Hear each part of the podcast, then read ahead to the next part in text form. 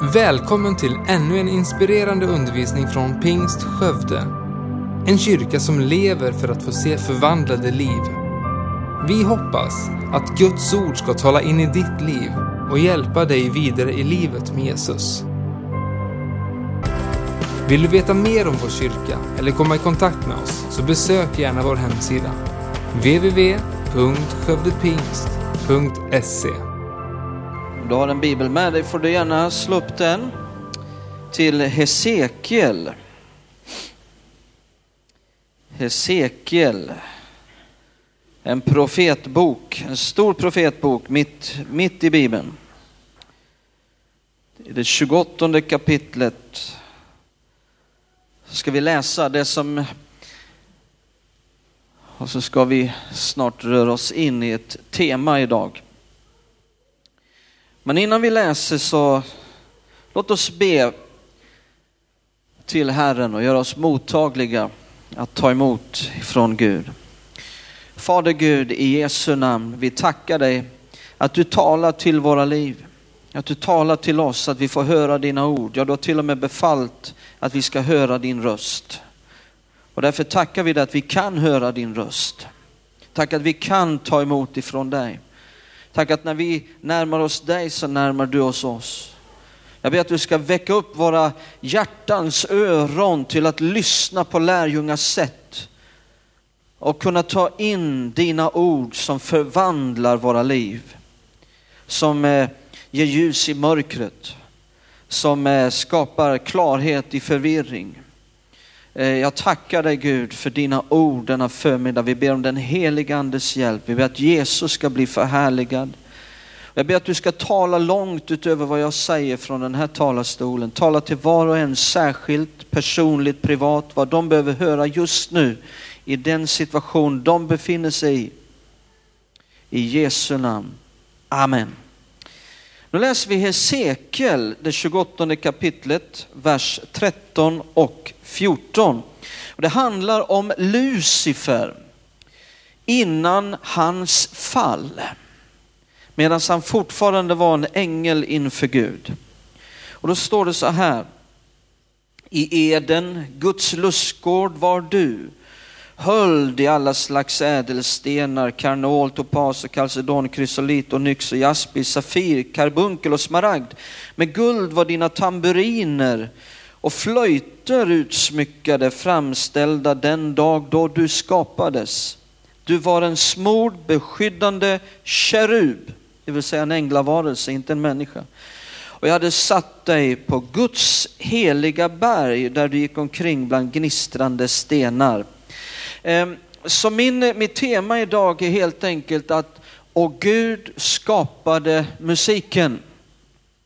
Och Gud skapade musiken. Jag vill att vi ska se här att eh, redan ifrån den allra tidigaste begynnelsen så har musik varit där. Det är någonting som kommer från Gud. Han har skapat detta. Det var en del av Lucifers tjänst, en del av hans liv eh, innan han föll. Det står här att med guld var dina tamburiner och flöjter utsmyckade.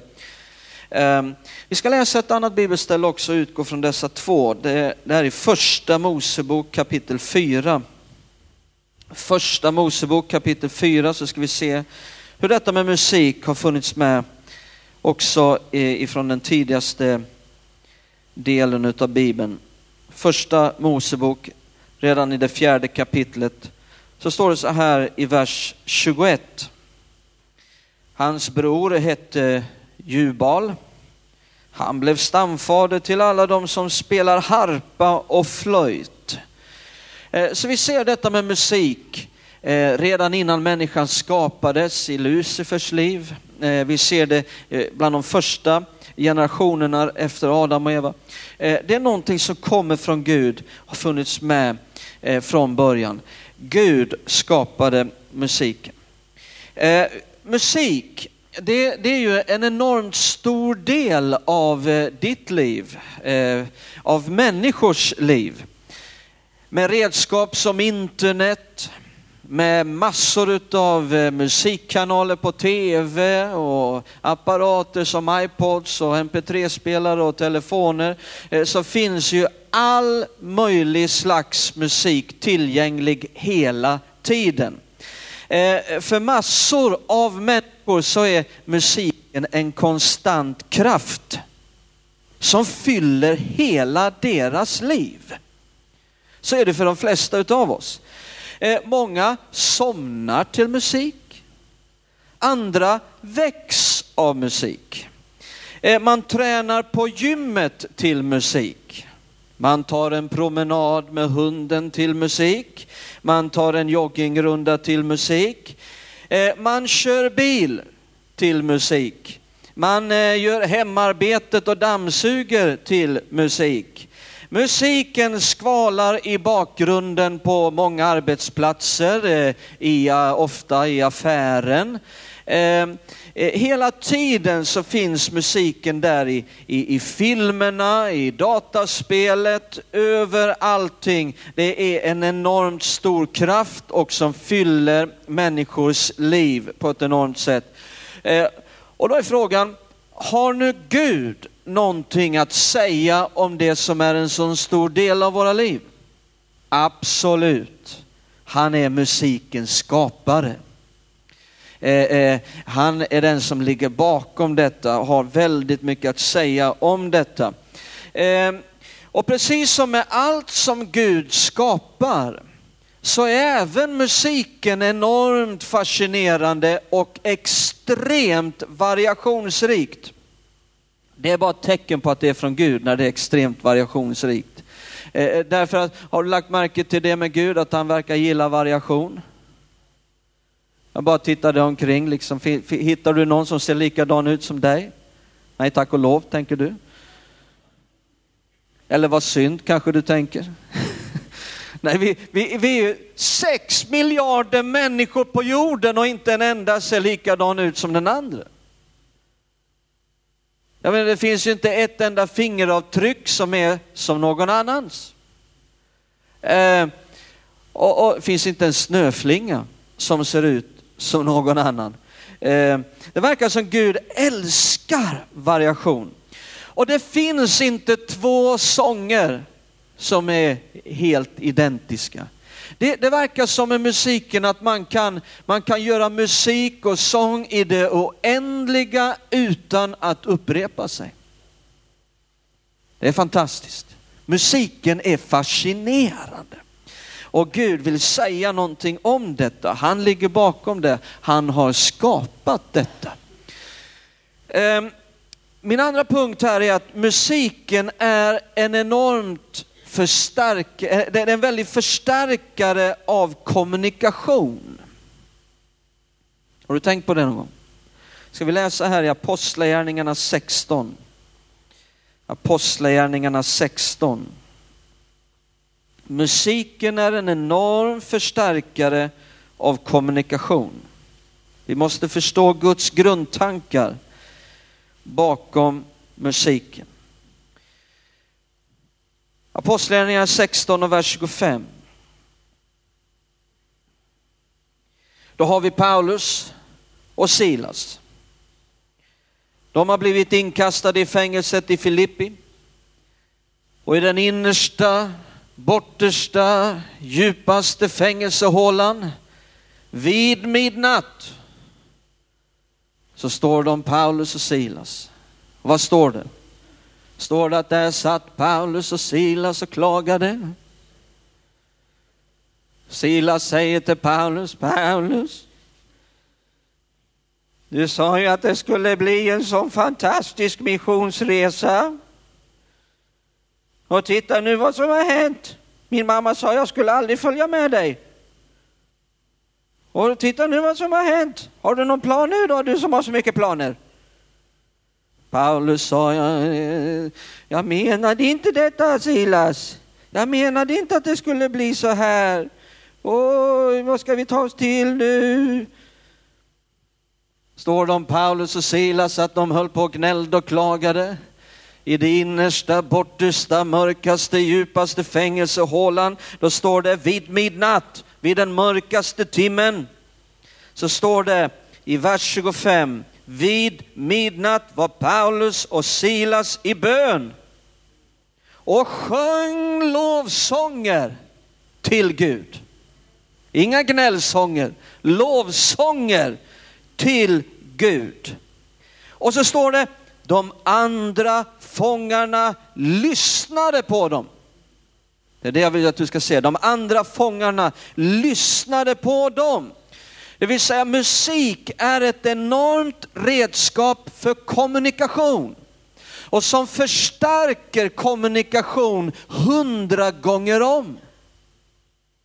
Hade de bara suttit och pratat det här och sagt det här, det är ingen som hade lyssnat på dem. Men nu lyssnade man, för det förstärker kommunikation hundra gånger om. Att prata är ju ett sätt att kommunicera. Men ofta så kan vi känna oss så begränsade just med att prata, att det är som att orden inte räcker till för att beskriva vad vi känner. Ibland så kan vi till och med eh, känna oss rädda för att prata eh, eh, och, och blottlägga vårt innersta. Men då har Gud gett oss musiken som ett redskap att kommunicera. Eh, eh, och genom musiken eh, kommunicera våra innersta tankar, våra känslor, stämningar på ett fantastiskt sätt på ett mer tillfredsställande sätt. Eh, eh, om man tar i musikvärlden så kan det ju handla om romantik och kärlek som man vill kommunicera. Eh, eh, eh, depression kan kommuniceras i musik. Jag menar bara lyssna på en del country and western. Countrylåtar, vad brukar de handla om? Hjärtesorger och förlorad kärlek. Och mitt hjärta är så brustet och jag är så deprimerad. Så eh, musik kan kommunicera depression. Eh, 60-talsmusiken och en del av 70-talsmusiken eh, kommunicerade protest. Man protesterade mot allt. Eh, eh, eh, så musik kan, kan kommunicera sorg. Det kan kommunicera glädje. Men det kan också kommunicera ilska och uppror. Och inom många världar så har man just förstått musikens enorma makt och kraft att kommunicera. Till exempel inom militärvärlden används musik. Eh, inom reklambranschen så använder man musik för att kommunicera och förstärka budskapet hundra gånger om. Jag menar vissa reklamlåtar, det, det sitter bara hjärnan till död dag höll jag på att säga. Man blir inte av med det. Det är över tio år sedan jag hörde Ekman Buss Flexibusitet uppe i Stockholm. Ni kanske är lyckligt besparade liksom, men det bara sitter Ekman Buss Flexibusitet. De har ju förstört min hjärna. 118, 118, vi hjälper dig. Jag menar hur mycket sånt här liksom inom reklambranschen, de bara ska ha in det i vår hjärna, där ska det nöta och där ska det hålla på. Det förstärker en kommunikation. Om någon bara dök upp på radion och sa ja du kan ringa 118 118, vi vill hjälpa dig. Nej, de ska sjunga ut det. För att det förstärker budskapet eh, hundra gånger om. Eh, arbetarrörelsen Eh, har alltid använt sång och musik som någonting för att kommunicera eh, ett budskap. Men framför allt så ska musiken användas i vår relation med Gud. Det är därför Gud har skapat den.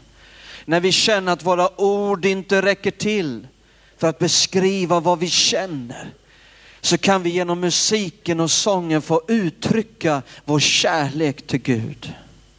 Ska vi läsa ett par bibelställen? Titta i Jakobs brev kapitel 5. Jakobs brev kapitel 5.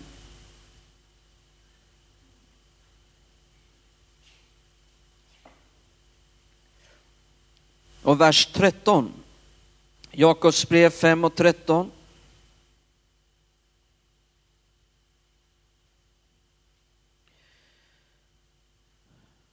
Då står det, får någon av er lida, skall han be. Är någon glad, skall han sjunga lovsånger. Halleluja. Är det någon som är glad där inne idag? Det är dags att börja sjunga lovsång. Inte nu för att Färjestad vann igår. Men eh, om du är glad i Gud. Jag vill bara ge Martin en pik här framme. Kolosserbrevet 3 och 16, titta där ska du få se. Hela tiden talar Bibeln om det här att använda musiken och sången i vår relation med Gud. Kolosserbrevet 3 och 16. Låt Kristi ord rikligt bo hos er med all sin vishet, undervisa och förmana varandra med salmer. Men kan man undervisa med en psalm? Absolut. Det förstärker budskapet hundra gånger om. Och då är det en del som tänker, ja salmer det är det som står i psalmboken. Nej, det kan vara en helt ny sång som skrivs idag av våra musiker som kommunicerar en undervisning. Hymner och andliga sånger och sjung med tacksamhet i Guds lov i era hjärtan. Eh, så vi bara talar om hur Gud har skapat musiken för att framförallt i vår relation, i kommunikation från oss till Gud. Men Gud vill ju också kommunicera till oss. Och då vill han också använda musiken tillbaka i kommunikation, där han kommunicerar sin omsorg, sin kärlek, eh, sin vilja för människan.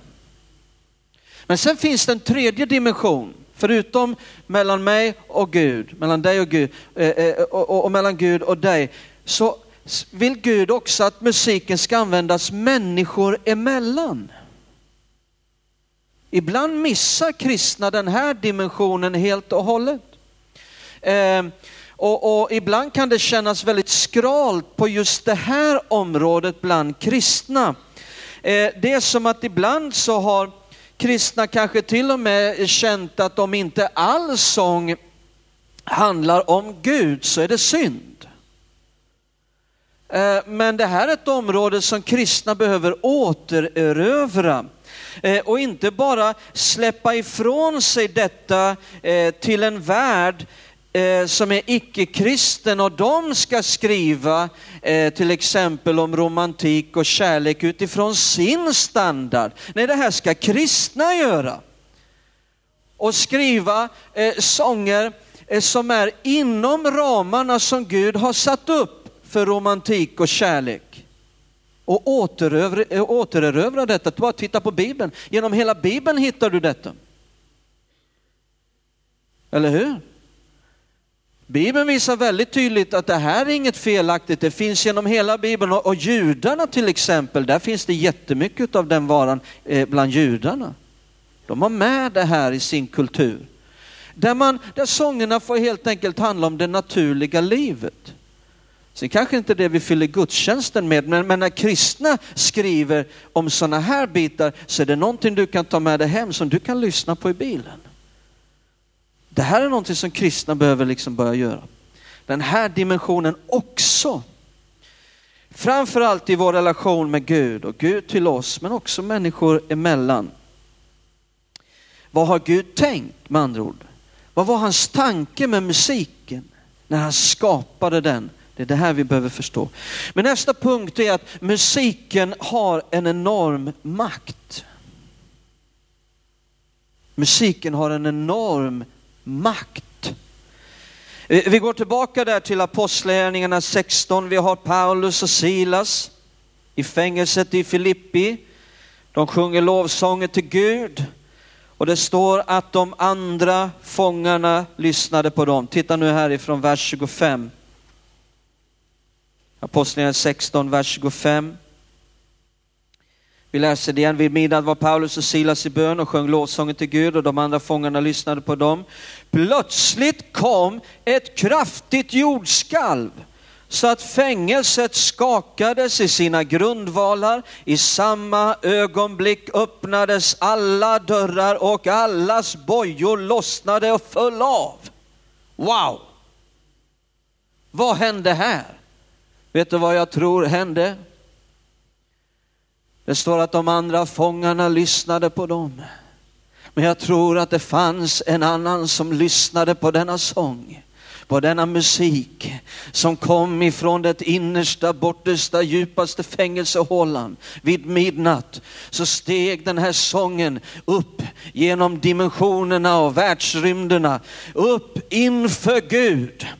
Och Gud hörde en sång ifrån Filippi, en sång ifrån Filippis stadsfängelse, en sång ifrån Paulus och Silas som han tyckte om. Och Gud blev så berörd på tronen så han började stampa takten. Och Gud stampade takten och till sist så stampade Gud takten så hårt så att det blev ett jordskalv genom hela Filippis stadsfängelse som gjorde att dörrarna slogs upp och bojorna föll av. Halleluja! Du kan ha din egen teori om vad det var som hände, men det är det som jag tror ligger bakom denna, denna jordbävning. Någonting mäktigt hände i alla fall. För det finns en enorm makt i musiken. Det är det jag vill visa på. Och vad hände mer sen? Jo, det står eh, nästa vers, vers 27. Fångvaktaren vaknade och när han fick se att fängelsets dörrar stod öppna drog han sitt svärd och skulle just ta sitt liv eftersom han trodde att fångarna hade flytt. Men Paulus ropade högt, gör dig inte något illa, vi är alla här. Fångarna ville inte därifrån, de tyckte det var så fantastisk musik. Först undrar ju de här fångarna om eh, Paulus och Silas, ja de, de tror att de är på puben fortfarande. De har inte fattat att de är i fängelset. Men sen började de begripa vilka det var som var där. Eh, eh, och de kände att det är en sån härlighet, här är så underbart att vara, så ingen ville gå därifrån. Då står det i vers 29, då bad fångvaktaren om ljus och rusade in och föll skräckslagen ner inför Paulus och Silas. Sedan förde han ut dem och frågade, ni herrar vad ska jag göra för att bli frälst? Ser ni vad var hans första fråga? Vad ska jag göra för att bli frälst? De svarade, tro på Herren Jesus så blir du frälst, du och din familj. Och de predikade Herrens ord för honom och för alla i hans familj. Redan vid denna tid på natten tog fångvaktaren dem med sig och tvättade deras sår. Och han och de som hörde till hans familj döptes genast. Döptes genast. Här fanns inget dröjsmål. Genast döptes de. Ibland förstår inte människor vilken makt som finns i musiken.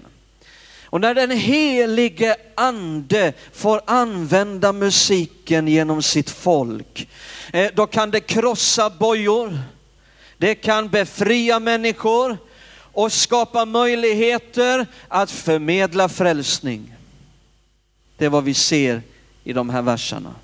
Allt föregicks utav sången av musiken. Det var det som öppnade, vilken makt som finns. Jag ska ge dig några fler exempel, lite snabba exempel på just det här med musikens eh, makt. Titta i andra krönikeboken 20. Andra krönikeboken 20.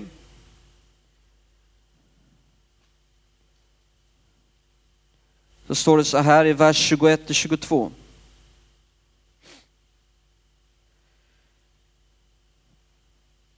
Sedan han hade rådgjort med folket ställde han upp sångare som skulle prisa Herren i helig skrud medan de drog ut framför. Lägg märke till framför, kan han säga framför?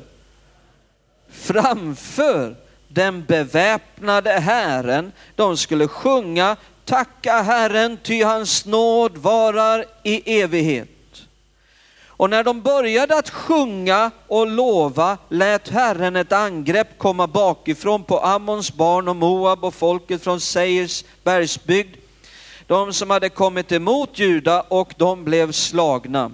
För att göra en lång story kort, fiendearmén och arméer hade kommit emot Josafat och judafolk. Och Josafat kallar då fram lovsångarna framför alla beväpnade soldater. Och så blev det en seger där ingen ens behövde strida.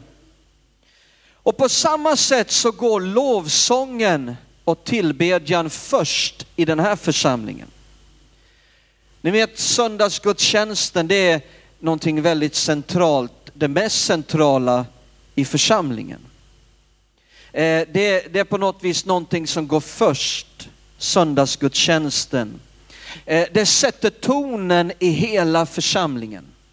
Eh, eh, om, eh, om en gudstjänst, om gudstjänster inte är bra, om det inte finns något liv, om ingen blir uppbyggd och man går därifrån utan att ha blivit uppbyggd i sin tro, om, om liksom det det är torra och intetsägande gudstjänster, då sätter det en ton som blir likadan i hela församlingen.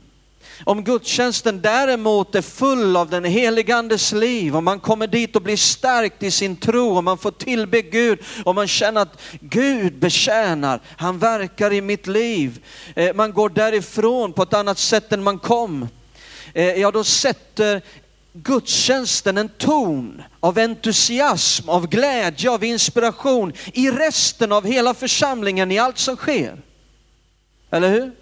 Så gudstjänsten är någonting som går först i en församling. Och vet ni vad? I gudstjänsten, där sätter vi lovsången och tillbedjan först. Och vi tror att detta är någonting som bereder seger för Guds rike på samma sätt som för Josafat. Där det inte längre blir vi som strider, utan Herren börjar strida för oss. Därför att vi lovar honom, för att han är god och hans nåd varar i evighet. Halleluja. Titta här ett annat exempel. Ser ni här vilken makt återigen musiken hade till seger för Guds folk? Eh, titta i andra konungaboken kapitel 3. Jag vill ge fler exempel. Andra Konungaboken 3. Vers 14 och 15.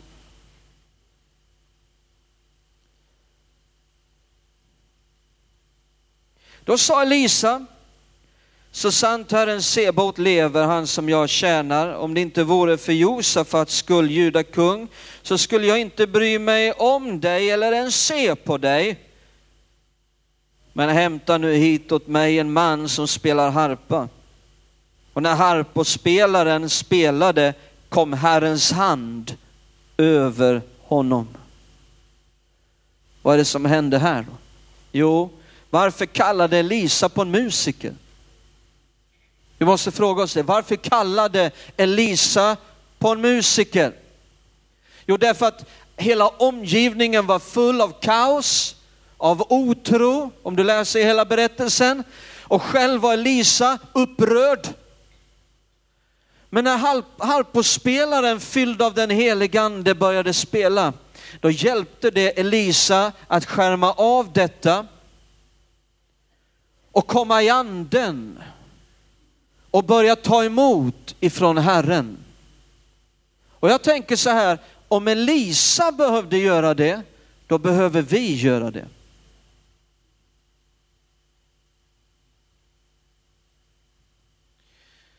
Jag ska citera en som heter Dan Campbell.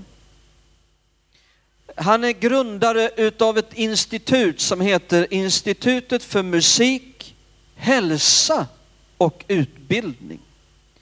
Han säger så här, att musik kommunicerar till oss även om vi inte påverkas av själva orden i sången. Musik påverkar oss psykiskt på en djup nivå. Hjärtrytmer och andning kan påverkas enbart genom musik. Musik kan påverka hjärnfunktioner och försätta en människa i ett mer meditativt tillstånd eller ge energi till hjärnvågor för snabbare tankeprocesser som förbättrar kreativitet. Till och med kroppscellerna responderar till musik. Undersökningar visar att bara 15 minuters lyssnande på musik ökade nivåer av kemikalier för immunförsvar. Och att stresshormonet kortisol minskade med 25 procent. Musik är en mäktig kraft som kommunicerar och påverkar hela våra liv. Våra, vårt hjärta, våra lungor, vår hjärna, kroppsceller, vår själ, vår ande. Det finns en oerhörd makt i musiken. Så att om du är någon som har känt dig deprimerad en tid, då kan en sak vara att titta på kanske att du behöver börja lyssna på rätt sorts sång och musik.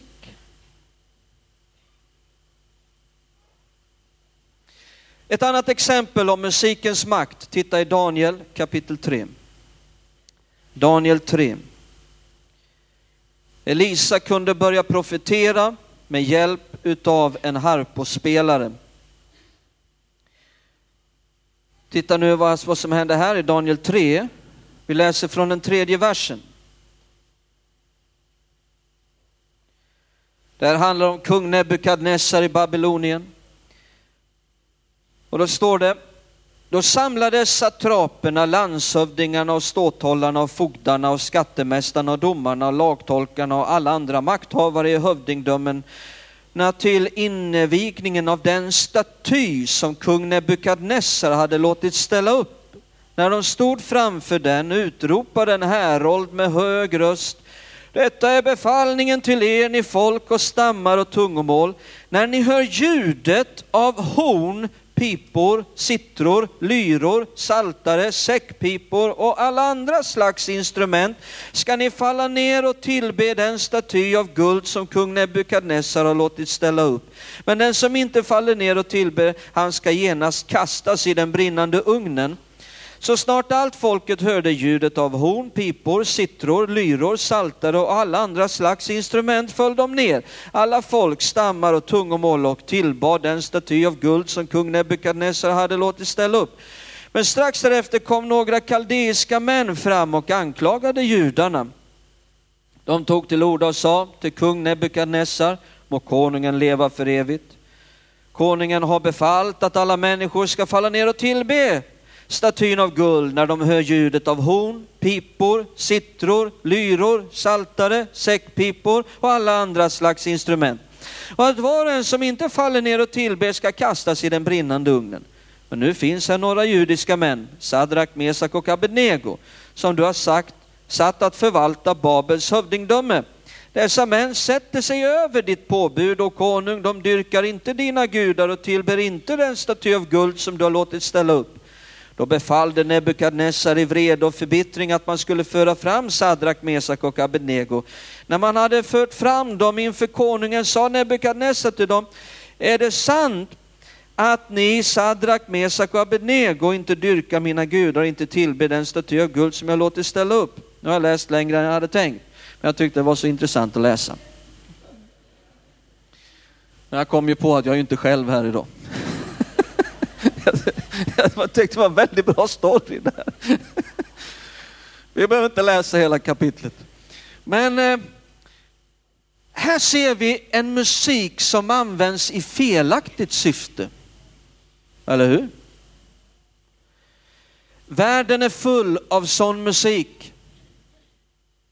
Jag sa världen är full av musik som används i ett felaktigt syfte. Även den musik som föds fram i en värld som är i den ondes våld har en stor makt och påverkar oerhört. Se upp med vad du lyssnar på. Jag sa se upp med vad du lyssnar på.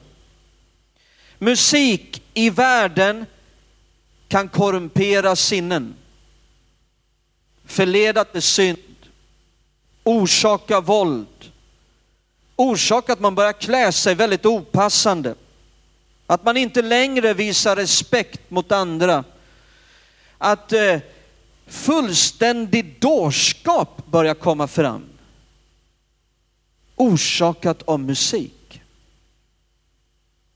Jag säger inte nu att man inte får lyssna till musik som görs av icke-kristna människor. Inte alls. Men jag säger att man behöver analysera. Vad är det som kommuniceras? Vilka ord används? Men lyssna på det här. Ibland så har kristna pekat, pekat finger mot världen och kritiserat, ofta med all rätt, en felaktig musik. Men inte insett att vi behöver också titta på våra egna sånger. Vad är det som kommuniceras där? Min vän, det finns viss kristen musik, både gammal och ny, som jag inte sjunger med i. För att det kommunicerar otro och det kommunicerar nederlag och att det är bara sorger och besvär och Gud är tummeliten och förmår ingenting och vi är helt i händerna på omständigheterna. Eh, sån sång sjunger jag inte med i. Du behöver se upp med vad du lyssnar på. Du behöver se upp med vad du sjunger. Eh, eh, Bibeln undervisar att du kan bli fullständigt bunden utav din muns ord. Vad är det du själv sjunger ut? Sjung inte ut sånger som kommunicerar otro. Det är livsfarligt min vän. Det finns en oerhörd makt i musik. Ett annat exempel, första Samuelsboken 16. Vi studerar den oerhörda makten i musik. Första Samuelsboken 16. Och vers 23. vers 23.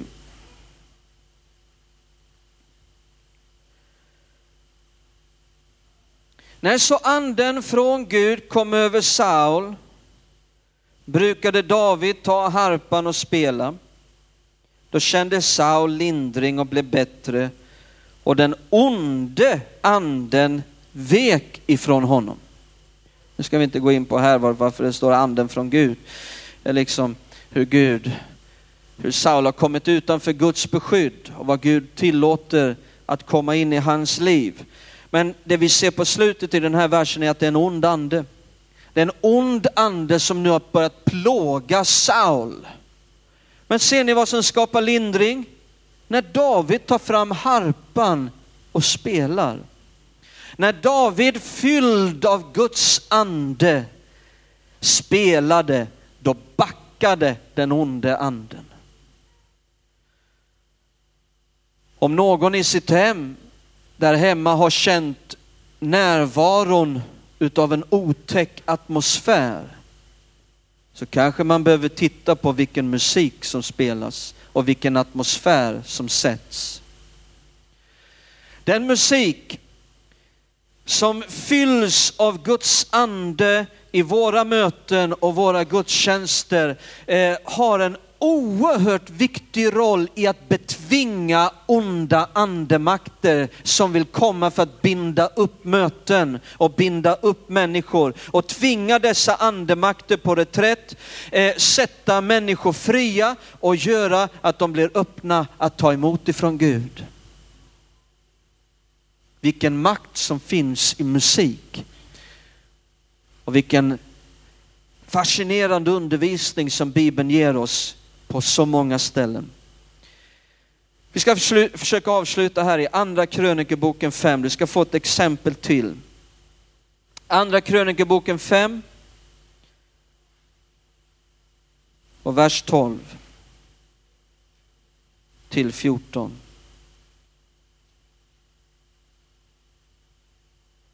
Andra krönikeboken 5, 12 till 14. Salomo har byggt templet. Och nu är vi framme vid invigningen utav templet. Och då står det så här i den tolfte versen i andra krönikeboken 5. Och när leviterna, samtliga sångare, Asaf, Heman och Jedutun med sina söner och bröder stod klädda i vitt linne med symboler, saltare och harpor öster om altaret och tillsammans med dem 120 präster som blåste i trumpeter. Och trumpetblåsarna och sångarna på en gång och samstämmigt. Oh, vilken nyckel det är med samstämmigheten, med endräkten. På en gång och samstämmigt stämde upp Herrens lov och pris. Och när man lät trumpeter och cymbaler och andra instrument ljuda och man började lova Herren därför att han är god och därför att hans nåd varar i evighet. Det var precis det de sjöng framför Josafats här. Då blev huset, Herrens hus, uppfyllt av ett moln så att prästerna för molnets skull inte kunde stå där och göra tjänst, ty Herrens härlighet uppfyllde Guds hus. Wow! Här ser vi hur en mäktig musik och sång öppnade för Herrens härlighet att fylla Guds hus. Ser ni hela tiden här hur så många gånger i Bibeln hur musik och sång går före mäktiga saker som sker. Att det är det som är själva verktyget som öppnar upp för det som sen skedde. Och utan det så hade det inte skett. Tack för att du lyssnat. Titta gärna in på vår hemsida www.skövdepingst.se för att få veta mer om oss. Och glöm inte att du alltid är välkommen till vår kyrka